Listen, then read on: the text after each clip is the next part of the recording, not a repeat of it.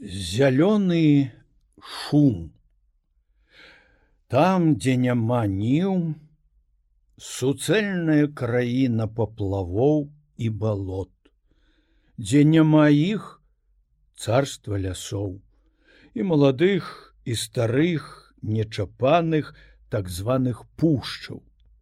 Бярэзінская пушча, лепячанская, гродзенская, налібоцкая на поўнач ад наваградка, палескія пушчы, белавеская, якая найбольш уражае чалавека і многія іншыя. Трэць тэрыторыі Беларусі лясы 32 проценты. На жаль, іх высякаюць больш нормы. Не толькі пасля войны, калі трэба было аднаўляць вёскі і гарады, але і зараз.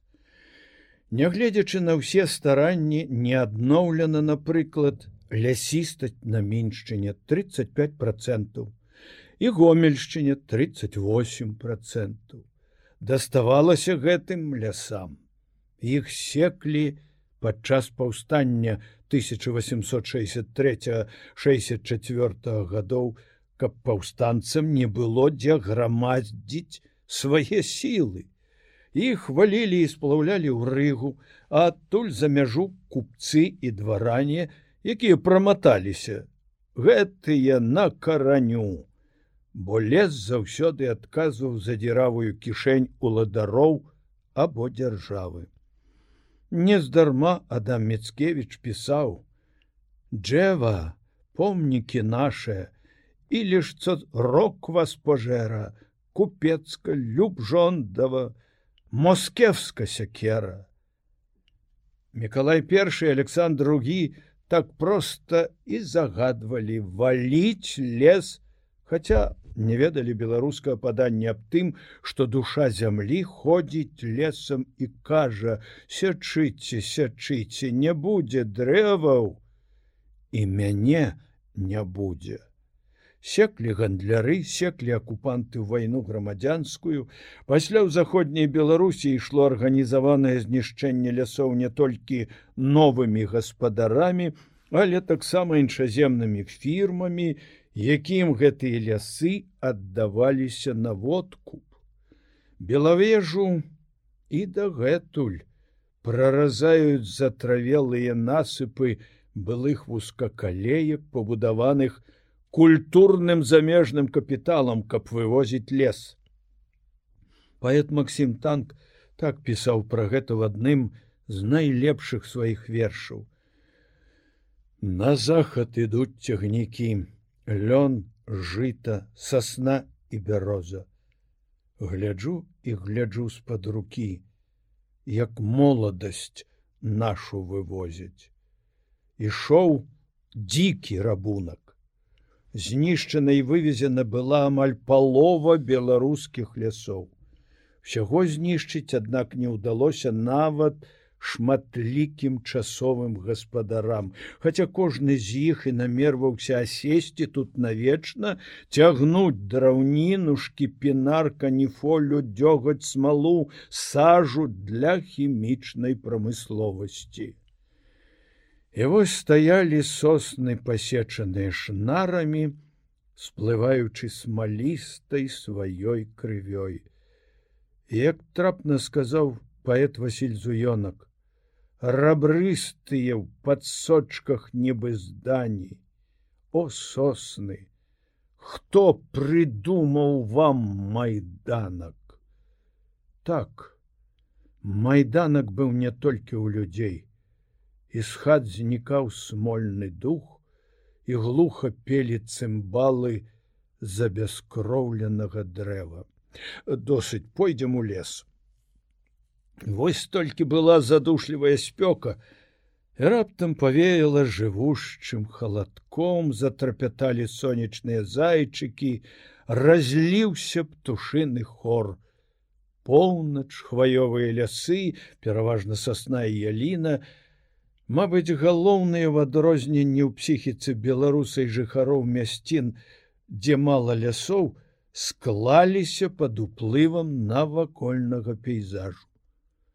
Лес выхаваў характар беларуса, наш чалавек і лес родныя і таму беларус любіць яго любіць паўночныя саснякі з імхом што расшыты каралямі брусніцы чарніц што лілавеюць верасам у якім сядзяць сімпатычныя таўстуны карычнева-чырвоныя і карычнева-чорныя баравікі. Любіць змрочныя яловыя лясы з цэлымі бародамі сівога імху на ствалах і з катлавінкамі напоўненымі празрыстай, але на выгляд чорнай бліскучай як лак вадою любіць сонечны россуд папараці і зарасці ляшчыны і больш паўдзённыя лясы, дзе трапляюцца ўжо дубы, грабы, ліпы і вядома ж, шырокалістоўныя лясы поўдня, з брызглінай, бружмелем, грабам, цісам, рабінай, калінай і магутным разнатраўем ляступ лясных волатаў. Нават дробналесе з бялюткімі бярозамі асінкамі, нават змрочныя і балотныя чорнаальховыя лясы, дарагія яму, лес корміць, лес грэе і дровамі і сценамі хат і просто так уехаў у лес быў кажух у лес. Лес бароніць у выпадку небяспекі нашэсця войны. Менавіта таму пасля рэвалюцыі столькі увагі аддаецца захаванню абароне развядзенню лясоў. Недахопа ў гэтым сэнсе яшчэ шмат. Многія лесанарыхтоўшчыкі гоняць план. І нават дабіліся было высечак лесу на бярэзіне. Лес той згніў бо дажджы не дазволілі яго вывесці і тады каму трэба добра попала а запаведнік быў адноўлены. Ёсць яшчэ браканьеры і людзі якія жывуць па прынцыпе хто ў лесе не злодзей той дома не гаспадар Аднак праца ляснічых і палясоўшчыкаў, азеляняльнікаў, вучоных батанікаў, заолагаў, паляўніцтва знаўцаў паступова прыносіць свой плён. Падахову падпалі многія жывёлы, рэліктавыя іншыя расліны, рыбы, птушкі і звяры, некаторыя геалагічныя абнажэнні, асобныя дрэвы, слаўныя ўзростам рэдкасцю выглядам сваім і цэлыя лясныя масівы. На Беларусі шмат заказнікаў і запаведных зон, як вакол возера свіцесь. Да нядаўняга часу было два запаведнікі: бярэзінскі абараняў увесь жывёльны свет, але асабліва мядзведзя і бабра. І белавескі. Галоўныя тут паны, высокородны олень бобр лось і перш за ўсё король зубр нядаўна быў арганізаваны трэці прыпецкі ландшафтна-гідралагічны запаведнік для аховы палесся яго раслін звяроў птушак ягоных балот ягоных вод Пра ўсе запаведнікі тут расказаць немагчыма і таму я спынюся толькі на самым вядомым з іх на белавескай пушчы. Тысячу год назад большую частку цэнтральнай усходняй Еўропы пакрываў дзікі цёмны першабытны лес. На многія і многія сотні кіламетраў шумелі лясныя волаты, з цяжкасцю пракладалі свой шлях праз завалы карычнева-празрыстыя глухія рэкі, звінела камар'ё, паўсюль як кавалкі мяса, чырванелі мухаморы, бранзавелі слязніцы, вялізныя вышэй калена баравікі. На Беларусі іх называют так таму, што на іх ад старасці выступае сляза і капае на зямлю яны плачуць. Цяпер такія грыбы можна знайсці толькі ў дужа глухіх мясцінах, куды амаль не ходзяць людзі. Тысячу год мерна гучала сякера, вёскі ўгрызаліся ў лес, палі наступалі на пушчы і на трупах павержаных і спаленых волатаў такое поле называлася лядо або ляда хваляваўся ячмень. Беларусь паступова бяднела звярамі. Зубр які сустракаўся ў палесе і на поўдні прыдняпроўя яшчэ ў 18 стагоддзі быў выбіты і збярогся толькі ў белавежы. Быў знішчаны соболь балотная рысь або лемпарт чорны заяц сустракаўся ля копыся яшчэ на пачатку два стагоддзя. Высокародныя алені многія іншыя. Знік у сямнацатым стагоддзі. Дзікі бык тур некаторыя вучоныя мяркуюць што гэта ад яго пайшла парода украінскай і палескай шэрай рабочай худобы. Законы князёва пасля каралёў былі жорсткія нягледзячы на тое што падарожнік барон мейерберг які наведаў Беларусь у сямнацатым стагоддзі казаў быццам мясцовыя лясы нават багацейшыя на звяроў, чым лясы поўначы ўсходу рассіі. Дзічы, мабыць, паменшала. Устава на валокі, прынятая ў 1657 годзе, казала між іншым: А ва ўсіх пушчах наших і агульных, дзе раней сяляне нашы для нас баброў лавілі, там і цяпер лавіць павінны. А калі б недзе на рэках і азёрах наших бабры з'явіліся зноў, Дык і там сяляне лавіць павінны, а за работу браць ім кожнага пятага бабра, або падбрушша ад кожнага. Людям забаранялася трымаць пры лясных лазнях жывёлу зброю сабак сячы лес у тых мясцовасцях дзе рабіліся аблавы под страхам пакарання смерцю не дазвалялася страляць аленяў і зуброў нават на ўласнай зямлі. Забаранялася касіць сена на месцах аблаў а там дзе дазвалялася забаранялася браць сабою стрэльбы сабак і рацішчы рагаціны. Можна было біць драпежнікаў а таксама птушак толькі на сваіх валоках але восемнадцатым стагоддзі все пайшло да гары нагамі дзяржава рэч паспалітая саслабела кароль не азначаў нічога магнаты і шляхта грызліся.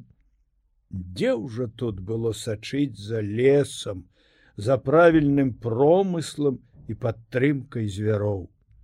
Так і здарылася, што ад першабытных лясоў асабліва шырока лістоўных, ад старажытных зубрыных дуброў, ад мядзведжых пушчаў над імховымі балотамі і ціхімі бабровымі рэкамі, засталіся тры-чатыры бастыёны. Адзін з іх на поўначы ўкраіны і на поўдні Беларусі палесе, астатнія на Беларусі. Лясы ў вярхоўях бярозы ракі, налібокі і самы стары цікавы бастыён белавежа. Цяпер той, хто хоча на свае вочы бачыць, які быў шэрвудскі лес у часы робін гуда, ардэнскі лес у часы рыцараў круглага стола і казачных волатаў, тэўтабурскі лес у часы армінія, не павінен шукаць такога ў сябе у Англіі, Францыі, Геррманіі, а павінен ехаць сюды у спрадвечны лясны аплот. Некалькі стагоддзяў назад пушча цягнулася з захаду на ўсход на сто з лішнім кіламетраў аж да самага кобрына, а з поўначы на поўдзень кіламетраў на 130-150. Цяпер адлегласць між паўдзённай паўночнай межамі 65 кіламетраў між заходняй і ўсходняй до 30 даўжыня межаў 500 кіламетраў плошча 79 1171 гектар. Здаўна ўвеснюю повень калібрэскай прыпецкае палессе старадаўняе мора герадота ператваралася ў сапраўднае мора, у якім па шыю стаялі лясы, всё звер'ё ратавалася на мазырскай градзе і на загароддзі, але пераважна на больш узвышанай прыбускай раўніне, на якой ляжала пушча. У сонечных грабавых і бярозавых лясах звенелі птушки, над рэкамі было аж цёмна ад качынных чарот, у змрочных ельніках блукалі мядзведзі, у спрадвечных дубровах пасвіліся сотні тысяч дзікоў аленяў кос і зуброў. Тады пушчу насяляла дзікая, і ваяўнічае балцкае племя ятвягаў. Першая вартавая вежа, узведзеная славянамі ў абарону ад іх, нязвыкла бялела ў нечапаным лесе ашкуранымі свежаабчасанымі бярвеннямі. Ад гэтай белай вежы, мабыць, пушча і атрымала назву белавескай.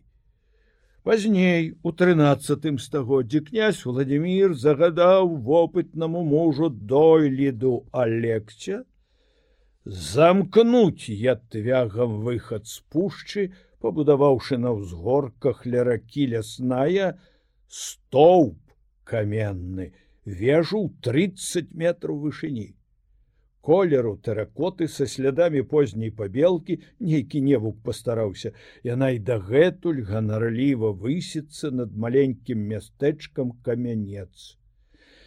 Некаторыя неправільна гавораць што яна і ёсць белая вежа хаця ніхто яе даўней так не называў ды да і колер яе зусім іншы.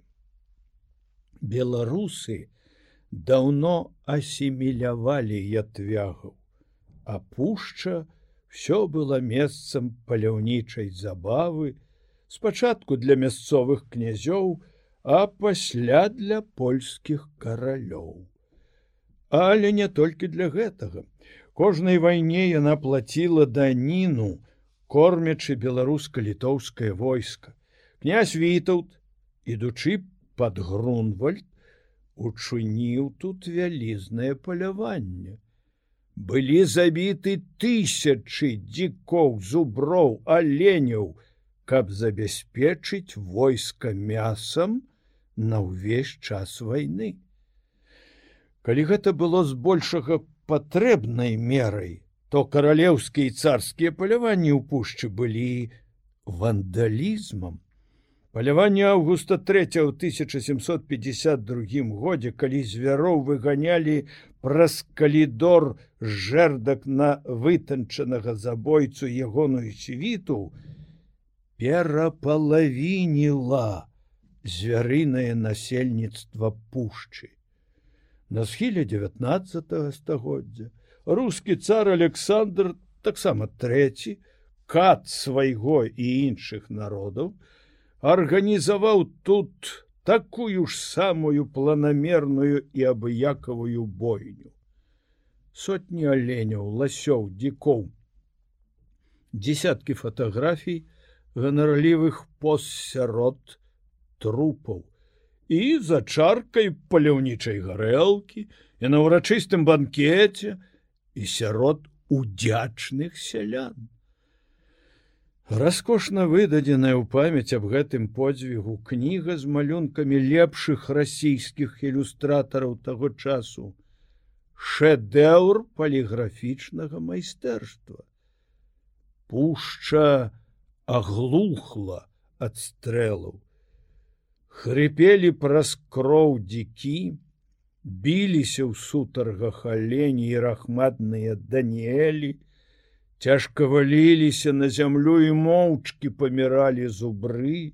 Зубр заўсёды памірае моўчкі, не прыніжае сябе нават у смяротны час трымаецца гонару.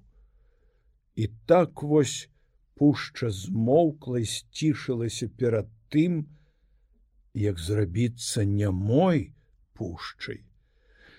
Дапамагалі не толькі ўладары народаў, але і купцы, якія дзе яўна адзей таемна скуплялі шкуры. Собаля, Праўда, гэта было раней у 16-17 стагоддзях, прадавалі ў мінску і навагрудку з вязкамі па 40 штук, а гарнастая з вязкамі па 100 250 штук.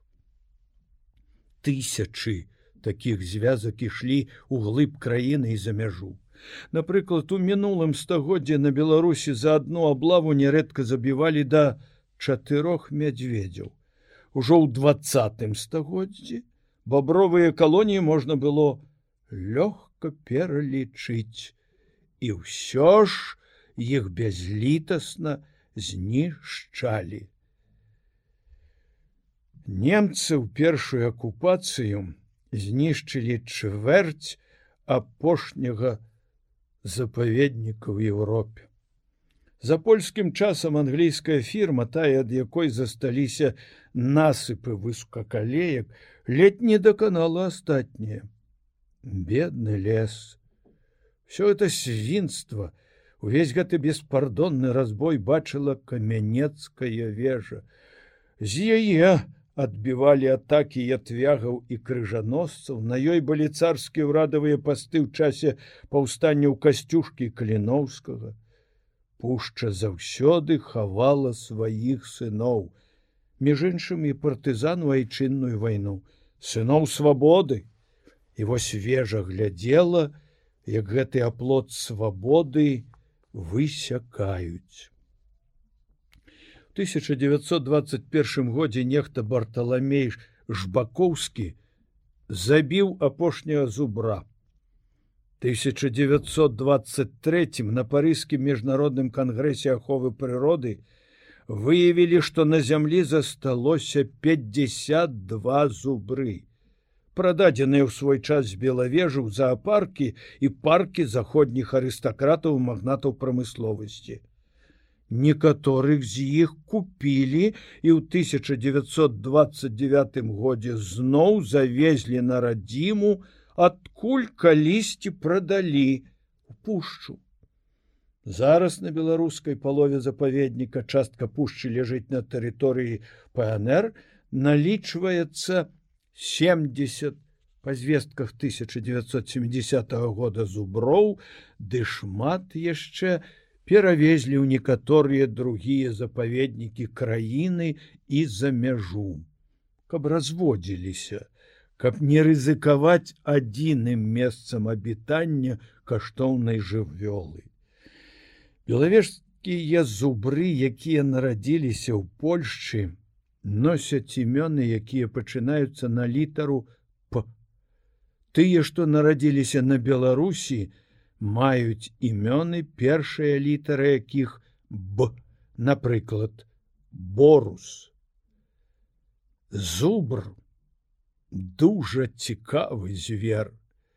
Засведчаны напрыклад такі факт з пачатку 19 стагоддзя.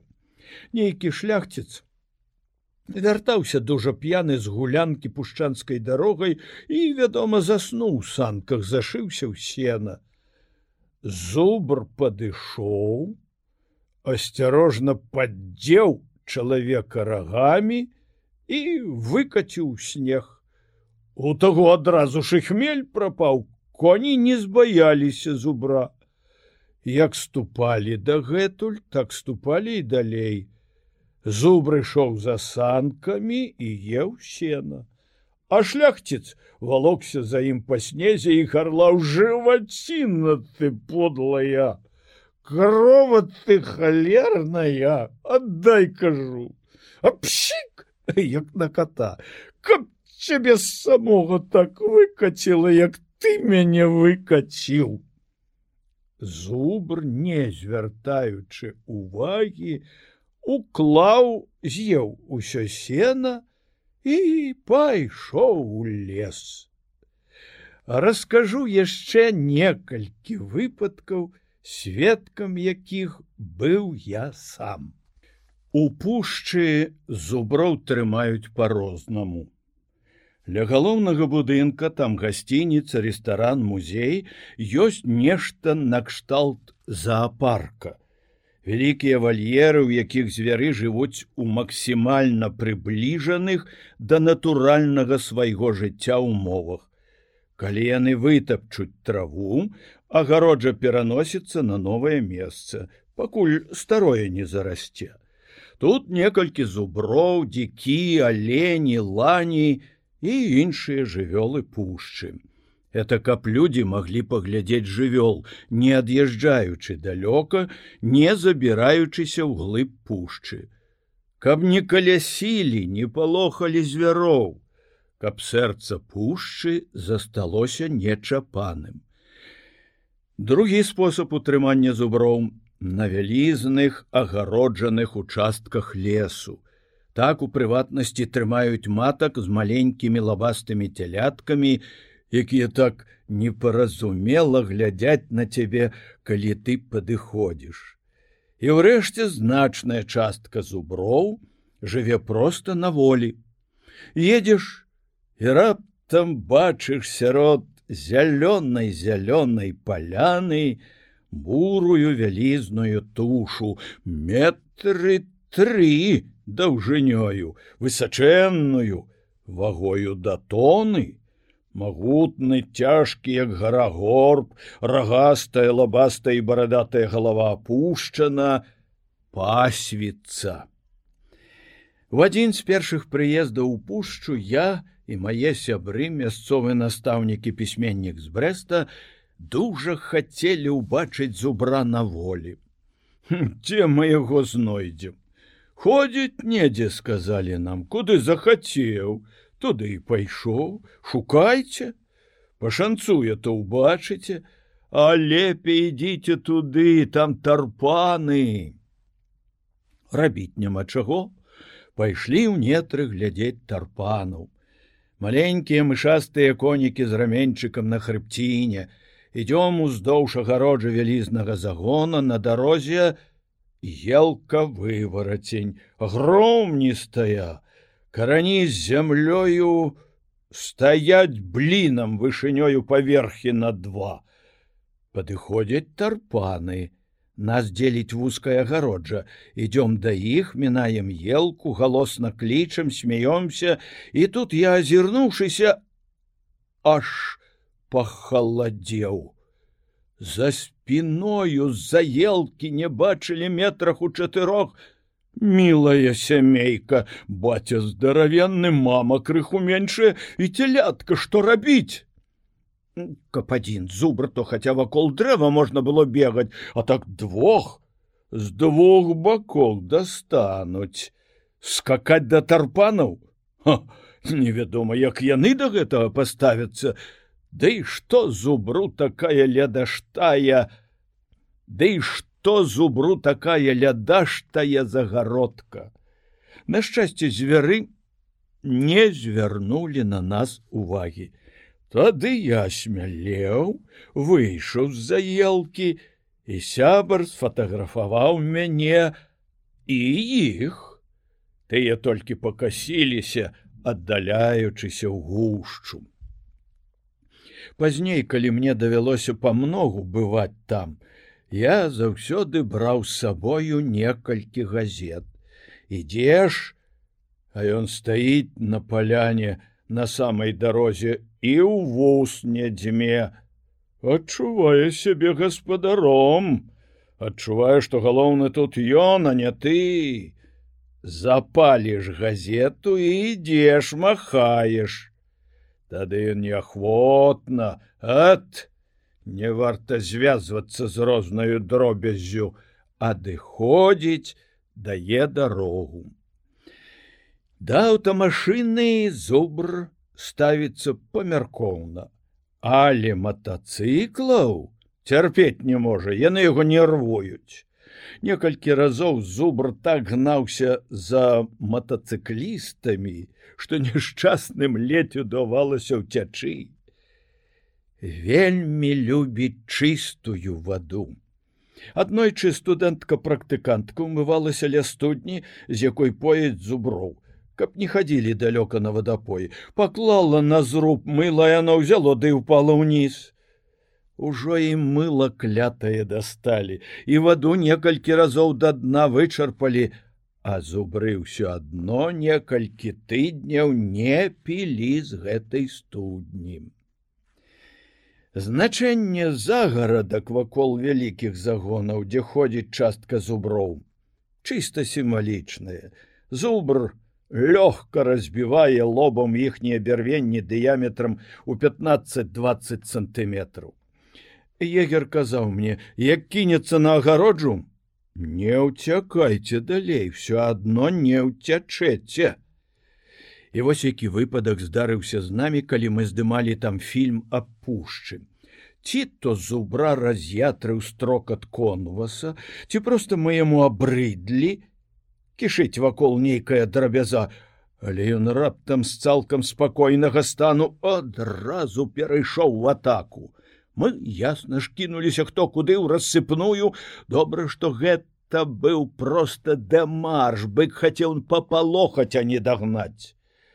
Але результат атрымаўся такі што мы пасля не маглі апамятацца ад здзіўленнем я паспеў скочыць цераз агароджу асістэнт аператара уцякаючы наляцеў на сукі выбіў сабе пярэдні зуб. А аператара доўга не маглі знайсці і толькі потым як з неба даляцеў да нас ягоны голас адбылося вось што штатыў нашага апарата важыць нешта каля 8 кілаграмаў. Апарат таксама некалькі кілаграмаў ды яшчэ акумулятары. Кідаць казённую маёмасць не рэкамендуецца. Ды і дарагое дужа пасля не расплоцішся. І вось аператор з усім гэтым грузам не Узляцел на вяршыню стога вышыня якога было некалькі метраў, а стог, як вядома, мае форму яйка, пастаўленага на тупы канец. Значыць, спачатку даводзіцца лезці под вострым кутам да зямлі летняй спіною ўніз, а гэта немагчыма і захацеў бы не ўлезеш. Як гэта атрымалася ў аператара? Ён пасля і сам не мог растлумачыць расскажу яшчэ пра аднаго асабіста мне знаёмага жыхара пушчы аленя памянушцы алешка. Некалькі год назад пагранічнікі абходзячы мяжу пачулі на земляной паласе падазроны шорах. Уключылі святло спалоханая раптоўнай вспышкай магутных ліхтароў рынула ў лес аленіха а на ўскапанай зямлі застаўся камячок нованароджаная алянятка. Пачакалі. Стало ясна што матка не вернецца. Тады дзіцёнка забралі з сабой на заставу адпаілі і вырасцілі Алешка хадзіў за пагранічнікамі як сабака. У чырвоны куток у сталоўку нават кіно глядзець. Пазней ужо я сам пераканаўся. Надзенеш зялёную шапку і ён бяжыць за табой. Э, шкада толькі што яго прывучылі басціся. Нагнецца чалавек за нечым а яму толькі таго і трэба наляціць і так надасць у тое месца, дзе ногі перастаюць называцца нагамі, што чалавек поттырч ляціць галавою ў мох. Няма чаго рабіць, аддалі яго у запаведнік. А там яго як ручногу пасадзілі ў загон для аленяў. Аднак аднаплямённікі яму аж над нешта не спадабаліся. Ён узяў ды пераскочыў цераз высачэзны плод суседні загон да зуброў. Тыя спачатку дзень-два ганялі яго, а пасля прывыклі, плюнулі. Так ён і жыў з імі у больш арыстакратычнай кампаніі, так бы мовіць. Мы, працуючы ў пушчы яго падгадоўвалі. І вось аднойчы прыслалі мне сябры з далёкага ўсходу слоік рэдкага прадукта чырвонай ікры. Намазалі мы сабе па бутерброду і тут самі ведаеце, што існуе закон паскудстваў, па якім бутерброд заўсёды падае маслам уніз, а ўжо з ікрой тым больш. Не есціш з падлогі вырашыў скарміць, аддаць бы мне яго лісіцы або дзіку нейкаму, словом всееднаму або драпежніку. З'елі і дзякуй сказалі, па я вырашыў, пабалаваць алешку зусім забыўшыся на тое што ікра жывёльны прадукт алені это цярпець не могуць за ўсю гісторыю заапаркаў запаведнікаў гэтак далей была толькі адна самка аленя якая магла з'есці котлету. На яе глядзелі як на найвялікшае дзіва. Ну вось даю. Той узяў пачаў жаваць і раптам на мордзе страшэннае неўразуменне агіда крыўда выплюнуў паглядзеў на мяне звысака і пайшоў спыніўся літаральна плюнуў мой бок некалькі разоў і аддаліўся нават не аглядаючыся два тыдні давялося мне патраціць перш чым ён забыў крыўду і паміж намі аднавіліся ранейшыя добрасуседскія адносіны водзяцца ў пушчы як і паўсюль на беларусі бабры да рэвалюцыі іх амаль выбілі але ўжо ў 1925 годзе спецыяльнай пастановай у ЦНК БССР быў арганізаваны бярэзінскі запаведнік, шмат заказнікаў, боброў узялі пад найстражэйшую ахову. І цяпер бабёр для Беларусі досыць звычайны звер. Яго тут болей, чым паўсюль у ССР, Таму ён пачынае ўжо набываць прамысловае значэнне. Але пакуль што баброў болей вывозяць з беларусі і рассяляюць у многіх і многіх мясцінах краіны. У пушчы я э, праўда не бачыў бабровых паселішчаў не не трапіў тыя мясціны дзе яны водзяцца затое шмат бачыў іх у басейне сожа у прыватнасці ў чэрыкаўскім заказніку. Ідём з працаўнікамі заказніка па беразе старыцы зарослым дубамі сям там зрэзаныя бабрамі дубкі дыяметраў дыяметрам сантыметраў сорок пені ствол для яго як два завостраныя алоўкі. Бабры узяліся за такія тоўстыя дрэвы бо з'елі ля вады шмат вярбы і іншага подлеску. Ім тут цесна яны перасяляюцца ўжо самі ў суседнія вадаёмы. Бабёр есть кару, а там на зіму зацягвае ствалы дрэў на дно прытаплівае іх і калі адчувае голод нырае, ласуецца просто под лёдам карою, і вяртаюцца ў сваю хатку. Хаткі яны робяць урэшце толькі ў топкіх мясцінах. Там жа робяць і грэблі з бярвенняў, замазаных зямлёй глінай з галінкамі. Вада падымаецца і выхад з бабровай хаткі заўсёды пад вадой. Але тут у лясніцтве лімень вады шмат берагі цвёрдыя і таму бабры просто робяць у іх норы наверх на дах нары яны нацягваюць кучу галін бярвенняў гэта каб ніхто не лез чалавек гэта не страшно яго столь вытрымае а вось калі ўсцярэбіцца карова або лось і бабёр як ведае што яны ніколі не полезуць у хаос галін сукоў і іншага ламатча. Я стаў на гэтую кучу паскакаў крыху. І вось ад падводнага хода ў нару пацягнулася ракою вузкая стужачка бурбалак далёка метраў за сто за бліжэйшы мыс. Ратаваў жыццё бедалага так вось іх і ловяць подстаўляючы да ўвахода жалезную клетку асаблівай канструкцыі. Друг мой пісьменнік расказаў мне калісьці ў іхняй вёсцы злавілі бабра. Все беглі глядзець як на дзіва бабёр сядзеў у дзежцы з вадой абапёршыся пярэднімі лапкамі якія дужа падобны да дзіцячых на край дзежкі і плакаў. Это праўда У нас жа беларусаў ёсць нават прыказка заплакаў як бабёр, значыць горка нястрымна з потокамі слёз.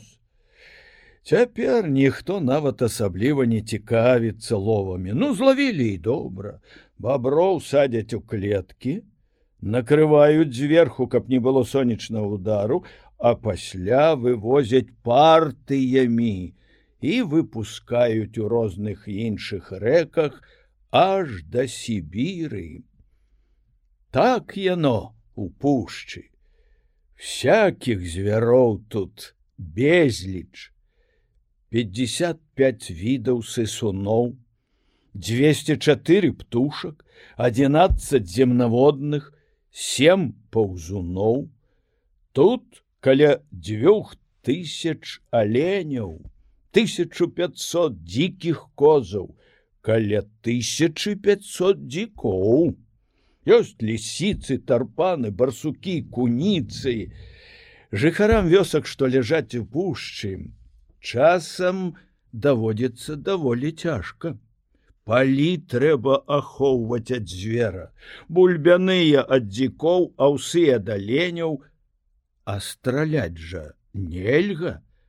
На ўсіх платах развешваюць бляшанкі, каб звенелі ў выпадку нападу звяроў на поле ну просто хоть плач нямая пушча с парадзелымі дубровамі і амаль выбітым звер'ём пачала пасля жахаў апошняй вайны ажываць дарэчы у вайну яна была аддадзена ў асабістае валоданне герынгу Ён наклаў лапу на яе і навакольныя лясы, бо ведаў іх.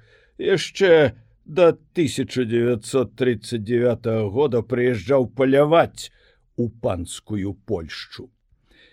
Дбаннем лесаводаў і ўсіх працаўнікоў гэтай вялікай навуковай гаспадаркі узняліся на грабежніцкіх лесасеках маладыя лясы, старыя, а іх все яшчэ много напоўніліся птушыным свістам вясеннім такаваннем глушцоў трубнымі клікамі лебедзяў асеннім рыкам аленяў. Зноў скаланаецца зямля ад цяжкага тупату зубрыных чарот. Зноў прыйшлі на пакутную стагоддзямі пашматаную зямлю пушчы мир і спакой.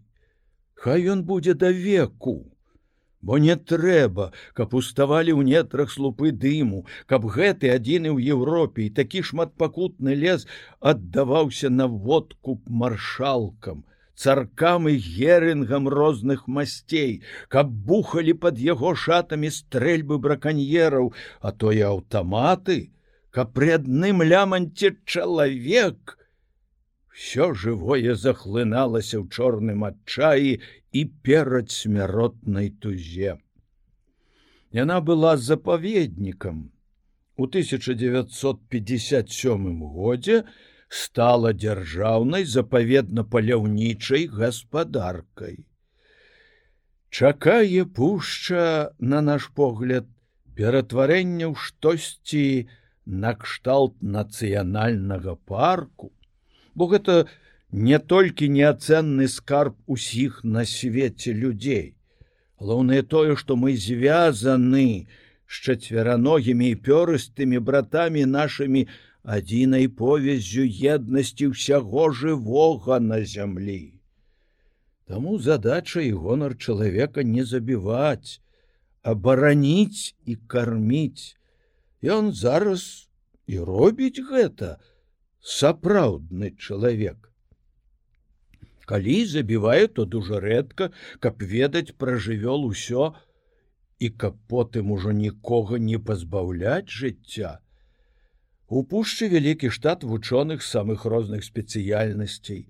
Тут лесаводы і батанікі, арнітолагі, спецыялісты па насякомых і многія іншыя. Акрамя іх у гаспадарцы шмат егераў і палясоўшчыкаў.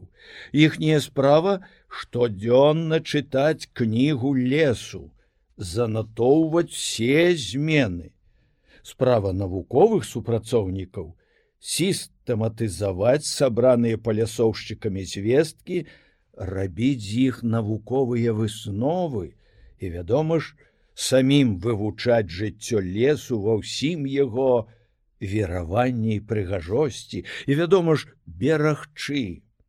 У пушчы найстражэйшы догляд за пасадкамі і спелымі лясамі за гнёздамі, норамі, пасавіскамі, вадаёмамі, за ўсім, што складае стракаты калейдаскоп яго жыцця.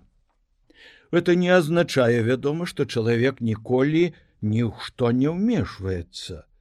На некаторых жывёл, пераважна драпежнікаў, колькасць якіх трэба рэгуляваць, рысеў, напрыклад, у пушчы ўсяго каля 15 дазволена паляванне па ліцэнзіях. Робіцца санітарная высечка лесу, бо нават запаведнік не можа быць рассаднікам шкоднікаў. І таму пушча, ачышчаецца ад хворых дрэў, каб яны не заразілі караедам і лубаедам здаровыя. Акрамя таго запаведніку належыць 11 тысяч гектараў зямлі, на якіх вырошчваюць ячмень, бульбу, авёс, буракі і іншае, што ідзе на падкормку жывёл узімку. Замаразкі. Пушчанская позняя восень. Шэранню прыпудрана трава, апошнія маслюкі і зялёнкі змерзлыя, а шыры пяць, калі іх зразаеш ножом, а пасля снегі. І вось едуць сані пакідаюць у пэўных месцах купы сена. І людзі раскідаюць на ўтаптаных пляцоўках бульбу для дзікоў, а тыя ідуць з гушчару цэлым атрадам і чамкаюць, нібы гэта так і трэба. Звяроў кормяць, дапамагаючы ім перажыць зіму, а пры патрэбе і лечаць. Хвароба зубра лічыцца сапраўдным няшчасцем. У пушчы малавата крыніц і рэчак, і таму тут зроблены вялікія, і маляўнічыя штучныя азёры для звярыных вадапояў і вадаплаўнай птушкі. У пушчы адзін з найлепшых музеяў прыроды, якія мне калі-небудзь даводзілася бачыць. Дужа сучасная архітэктура, вельмі сучасная экспазіцыя афармлення. Адразу ясна, што за вокнамі яго, дзіва прыроды лес, у якім сустрэліся субтропікі, плюшч, скальны дуб і прысення арктыкі, лапландская вярба, карлікавая бяроза. Тут усе жыхары лесу і звяры і птушки, ад орла ад вялізнай неясыці да дробных і малых тысячи экспанатаў, матылі, жукі, рукакрылыя, гады, рыбы і ўсё цікава настолькі, што не хочацца выходзіць. У нетрах жыве адна з найбольш рэдкіх птушак Еўропы чорны бусел. У адрозненне ад свайго белага брата ён цярпець не можа блізасці людзей а белы тут жа на хатах і на паплавах дыбае шукае жаб. Дарэчы калі для музея спатрэбілася чучала бусла паляўнічага прывезлі здалёк. Беларус ні завошта не заб'е бусла. Птушак тут безліч. Яшчэ ляжыць снег яшчэ мурашкі не выпаўзлі з мурашнікаў а ўжо выводзіць птушанят крумкач. Чаму так? У нас ёсць пра гэта легенда. Нібыта калісьці мурашкай крумкач паспрачаліся аб нечым і паколькі якая ж у крумкачаці ў мурашкі маёмасць абодва голы як бічы то заклаліся на самыя каштоўныя на дзяцей. Крумкач прайграў і вось вымушаны выводзіць дзяцей пакуль мурашкі яшчэ спяць у сваіх гарадах. Сам мерзне і дзеці мерзнуць. І правільна не спрачайся аб тым чаго не ведаеш дурная галава. Вось прамоіны. Доўгачаканая вясна. Калыхаюцца на палянах ліловыя махнатыя сны. На досведку капае і шчоўкае ў цемры яловага лесу першабытны глушец і песня яго падобная на вясенні капеш і лето прыходзіць і ўсё мацней птушыная песня у каго яе няма то крык. Уначы раздзірае цемру вухка не рогат пугачоў соваў і сычыкаў. Ляляк казадой страстна крычыць сваю люблю дудніць у дот свішчуць у вільготных шатах гівал і волга і лепшыя ў свеце па колькасці каленцаў салаўім так так лепшыя знаходзіцца недзе пернаты спявак і стварае сваю школу і слава салаўя пераходзіць з мясцовасцю мясцовасць як слава лепша ў краіне тэатра ці футбольнай каманды сёння армейцы заўтра дынамо паслязаўтра яшчэ нехта дык вось яшчэ ў девятнацатым стагоддзі славутыя курскія салаўі саступілі месца уральскім. Тыя яшчэ камусьці. А цяпер все арнітолагі свету лічаць аб гэтым недавно пісаў аганёк што пакуль лепшыя па спевах салаўі на беларусі а лепшыя сярод іх белавескія лунаюць над паплавамі і балотамі ястрабы канюкі змеежэры ясаеды чырвоныя каршукі беркуты лётаюць вясёлкавыя фазаны скачуць на балотах у малочным тумане у туманным ранішнім сонцы жоравы. І зязюля лічыць бясконцыя гады ўсім, хто прыйшоў сюды з добром на зары брохаюць падобныя на кракадзілаў шчупакі а над імі белы дыван лілей гарлачыкаў а вышэй пахучы аер якім усцілаюць подлогу на сёмуху. А над ім лугавіны з кветкавым разнатраўем і кіпарысы ядлоўцу і сонечны падлесак а яшчэ вышэй павуцінныя ельнікі бары падобныя на гатычныя храмы і высакародныя лясы пятисотгадовых дубоў і грабаў. Сяджу квартале трохсотгадовых грабаў. Калоны ствалоў под неба.